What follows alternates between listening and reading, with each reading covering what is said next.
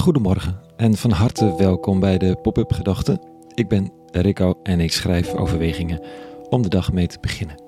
Vandaag begon die wat later, of het regen was of een andere reden. De wekker van 6 uur kreeg me vanochtend niet het bed uit. Maar niet getreurd, ik ben er toch. En met geen mooi en met een mooie titel voor vandaag. De helden V.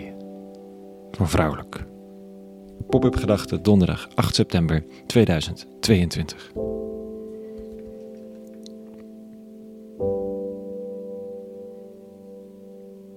Er springen mensen uit in je voorgeschiedenis. Mijn opa bijvoorbeeld, van de Voorbergkant dan. Helaas heb ik de opa van mijn moeders kant nauwelijks gekend. Opa was een markant figuur, een beetje een ruwe bolster. Niet van dat benauwde, was zijn standaardreactie op kleinkinderen die over kleine dingen zaten te piepen.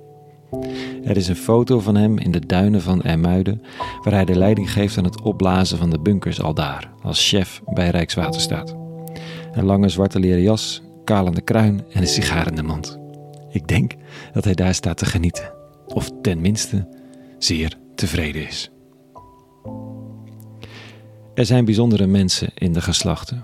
Ik ken er veel te weinig en word daar een beetje bij bepaald door de illustre voorgeslachte lijst van Jezus van Nazareth die ik vanochtend lees. De lijn gaat helemaal terug naar Abraham in reuzenstappen. Naam volgt op naam. De ene vader kreeg het volgende kind, dat dan weer vader werd van de volgende. En zoals vaak in poëtische teksten, en de Bijbelse dus, is de uitzondering, de afwijking, de anomalie iets om bij stil te staan. Er worden namelijk ook een aantal vrouwen genoemd. Absurd eigenlijk dat al die mannen er staan als trotse voortbrengers van nageslacht, terwijl zij daar biologisch gezien toch wel echt de allerminste bijdrage aan leveren. Maar goed, inzicht komt met de jaren en in dit geval met de eeuwen. In de geslachtenlijst komen een aantal vrouwen voor. De helden V. Zo heb je Tamar, een vrouw die op haar manier in de oertijd, want dat was het, protesteerde tegen haar vader op een enigszins bizarre, maar uiterst heldhaftige manier. Zij wenste geen slachtoffer te zijn van de manier waarop mannen de lakens uitdelen en nam het heft in eigen hand. O, zo ook Rut, de buitenlandse, de Moabitische, de immigranten, die meekwam nadat gelukzoeker Naomi, haar schoonmoeder, gedesillusioneerd was teruggekeerd van een gelukzoekerskweeste in een vijandig buurland. Zij, Rut, hielp Naomi er bovenop, nam het initiatief om Boas zijn hand te vragen en werd zo een ster in het voorgeslacht van Jezus van Nazareth. Oh, en Rachab, de prostituee uit Jericho, staat erin.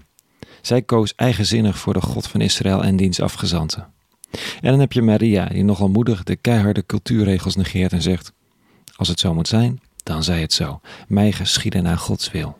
Zwanger, ongehuwd, bijna haar verloofde kwijt en moet toezien uiteindelijk hoe haar zoon gekruisigd wordt. Inspiratie, wereldwijd, tot op de dag van vandaag.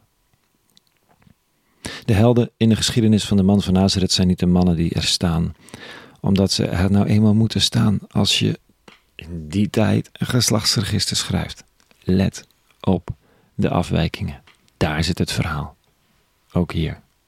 De helden, V, zijn Tamar, Rut, Rachab en Maria. Die niet doen wat er van hen verwacht wordt en daarmee de geschiedenis omkeren. Er zullen er weinigen het met me eens zijn als ik zou zeggen dat de Bijbel een feministisch boek is. En toch, er zit genoeg voer in die verhalen voor een feministische beweging, hoe patriarchaal een cultuur ook is. En voer voor eigen wijsheid, voor zelf nadenken.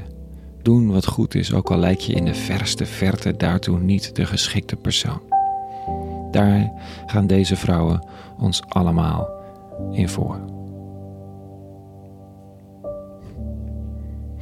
Tot zover. Even vandaag. Een hele goede donderdag gewenst. En vrede. En alle goeds.